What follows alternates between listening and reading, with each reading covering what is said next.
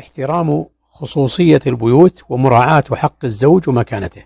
قال رسول الله صلى الله عليه وسلم في خطبة حجة الوداع اتقوا الله في النساء فإنكم أخذتموهن بأمان الله.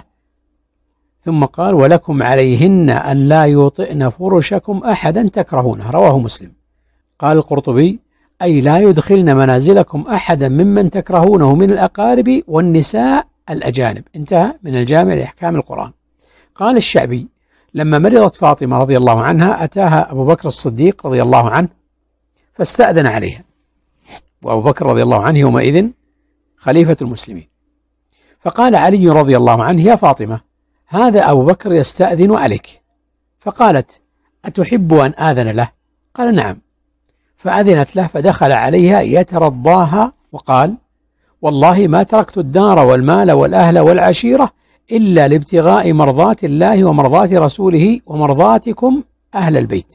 ثم ترضاها حتى رضيت. رواه البيهقي في الكبرى وفي الاعتقاد وقال هذا مرسل حسن بإسناد صحيح وقال العيني وهذا قوي جيد والظاهر أن الشعبي سمعه من علي رضي الله عنه أو ممن سمعه من علي انتهى.